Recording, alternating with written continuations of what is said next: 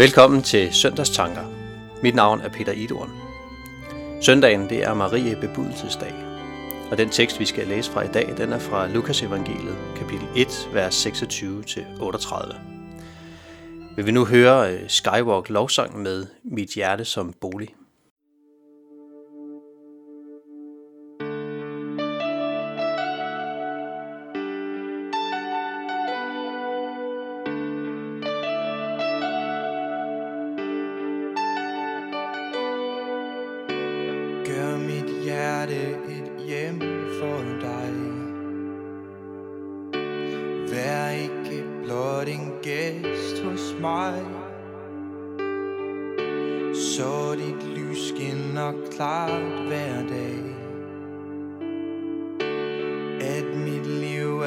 Til behag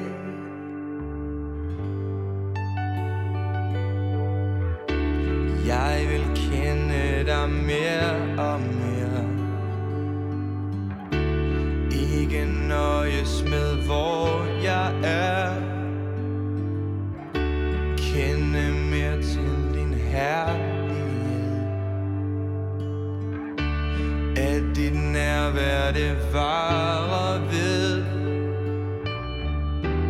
Og jeg ved at du elsker mig. For mig har Jesus banet vej. Du har givet mig håb og fred. Og det er grundet kærlighed. Evigt lovsangen bliver ved engle synger med. Hellig, hellig, hellig er du. Almægtig Gud. Tag mit hjerte som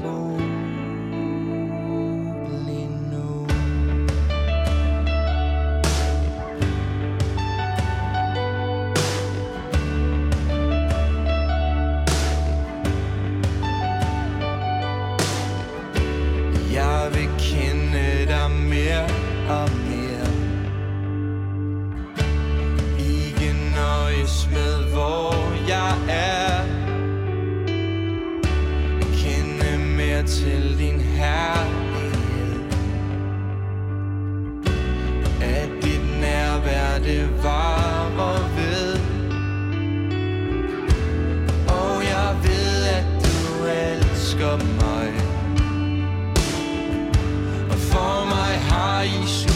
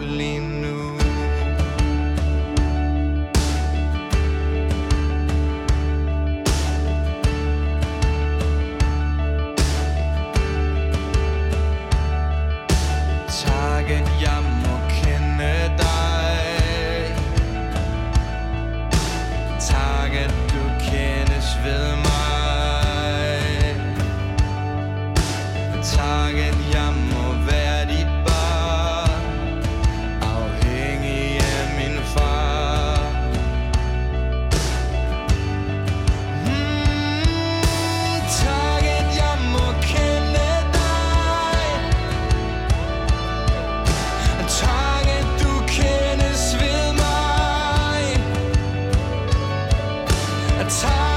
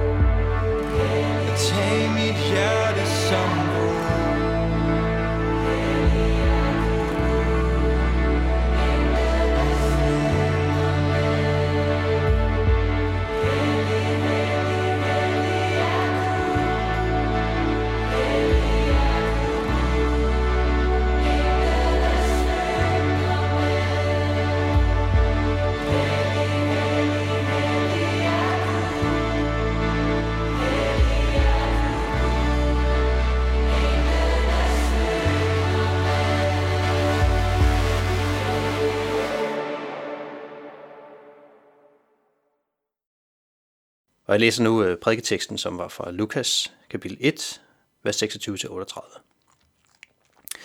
Da Elisabeth var i 6. måned, blev englen Gabriel sendt fra Gud til en by i Galilea, der hedder Nazareth, til en jomfru, der var forlovet med en mand, som hed Josef og var i Davids hus. Jomfruens navn var Maria, og englen kom ind til hende og hilste hende med ordene, Herren er med dig, du benåede. Hun blev forfærdet over de ord og spurgte sig selv, hvad denne hilsen skulle betyde. Der sagde englen til hende, Frygt ikke, Maria, for du har fundet noget fra Gud. Se, du skal blive med barn og føde en søn, og du skal give ham navnet Jesus. Han skal blive stor og kaldes den højeste søn. Og Gud Herren skal give ham, hans far Davids trone. Han skal være konge over Jakobs hus til evig tid, og der skal ikke være ende på hans rige. Maria sagde til englen, hvordan skal det gå til? Jeg har aldrig været sammen med en mand. Englen svarede hende, Helligånden skal komme over dig, og den højestes kraft skal overskygge dig. Derfor skal det barn, der bliver født, også kaldes helligt, Guds søn. Også din slægtning Elisabeth har undfanget en søn, nu i sin alderdom. Hun, omvendt man siger, at hun er ufrugtbar, er i 6. måned. For intet er umuligt for Gud. Da sagde Maria, Se, jeg er Herrens tjenerinde. Lad det ske mig efter dit ord. Og så forlod englen hende. Jeg kan ikke lade være med at tænke på, om øh, Maria anede noget som helst om, hvad der skulle ske her på forhånd. Hun var en ung kvinde, som ikke havde nogen erfaring. Hun havde ingen øh, seksuel erfaring, og hun var vel ikke engang myndig. Jeg tror ikke, at hun havde den fjerneste anelse om, at Gud havde tænkt sig at gennemføre sin frelsesplan gennem hendes liv. Når frelseren, Messias, når han kom, så var det vel som en konge, der kommer og indtager verden.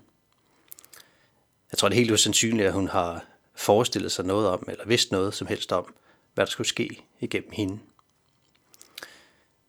Men Gud han har udvalgt hende. En fattig, umyndig, ung kvinde, som kom fra en fattig landsby. En, som på ingen måde var anselig. Hende udvalgte Gud til at være mor til frelseren. Hende udvalgte Gud til at være en vigtig del af hans frelsesplan. Jeg synes, det er så befriende. Gud han vælger netop hende til at gennemføre sin frelsesplan igennem. For det viser, at det ikke er noget hos hende, der gør, at Gud bruger hende. Det er en udvælgelse af, af ren noget. Gud sender sin søn til jorden gennem en uanselig kvinde, for at frelse lige præcis sådan nogen som hende. Han kom ikke til verden som en sejrig konge, for så var det vel sådan nogen, han skulle frelse. Og udvalgelsen af hende var ren noget. Og det er også den virkelighed, som Gud øh, har udvalgt, lige præcis dig, er noget til at frelse gennem ham.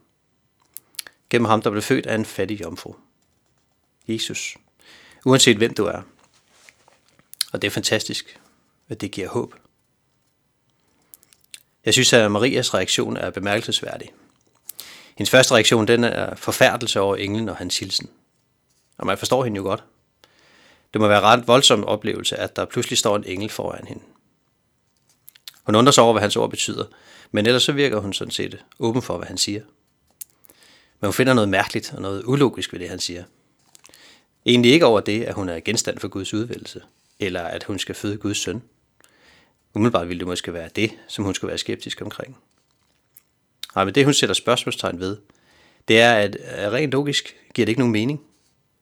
Hendes logiske sans fortæller hende, at det jo ikke kan lade sig gøre at blive gravid, når hun ikke har været sammen med en mand. I hendes hoved sætter det en bremse og sætter spørgsmålstegn ved det, englen siger. Det siger, sætter spørgsmålstegn ved budskabet. Og så tænker jeg, hvordan er det i dag? Kan det være sådan, at vores logiske sans er det, som der sætter vores begrænsning for åbenhed over for Guds magt og hans gerninger gennem os? Vi kan måske også komme til at tænke, jamen det kan jo ikke lade sig gøre, Gud.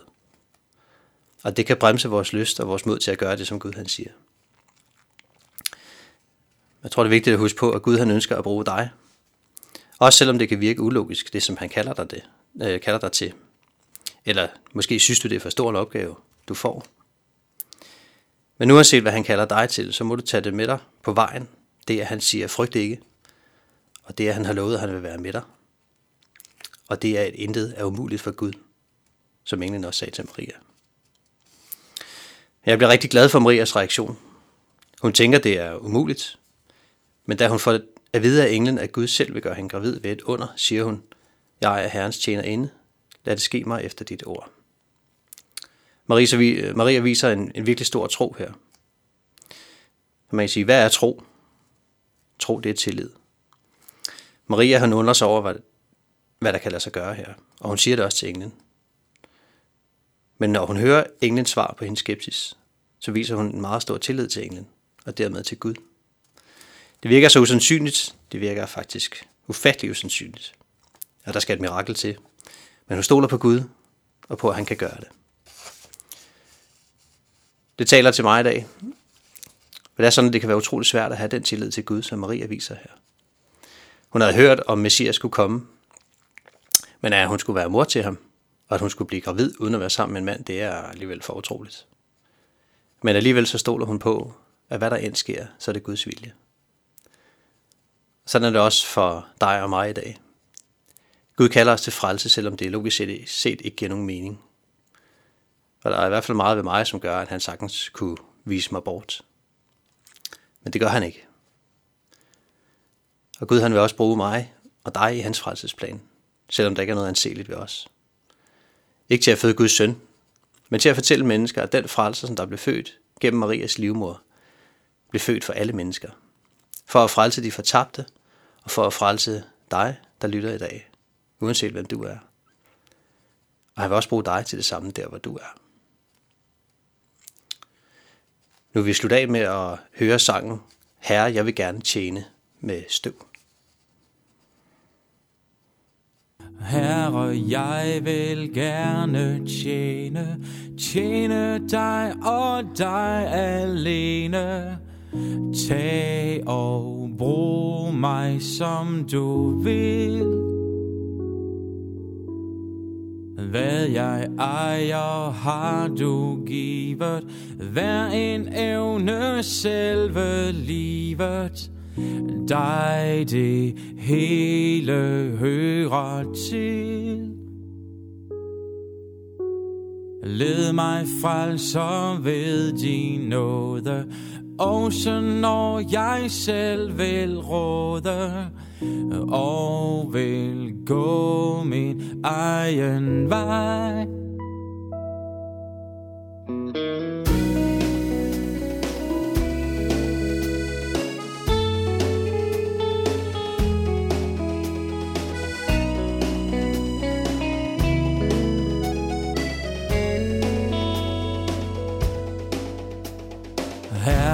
Jeg vil gerne tjene, tjene dig og dig alene.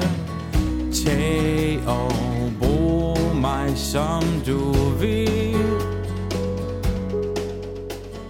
Hvad jeg ejer har du givet, hver en evne selve livet. Dig det hele hører til. Led mig frelser ved din nåde Også når jeg selv vil råde Og vil gå.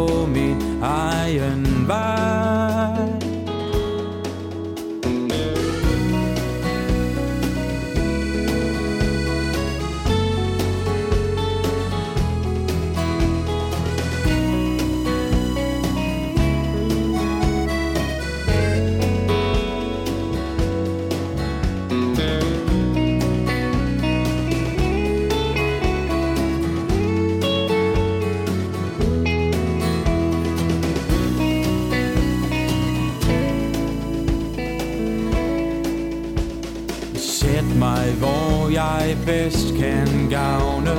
Jo, men lad mig aldrig savne. Vidshed, at jeg tjener dig.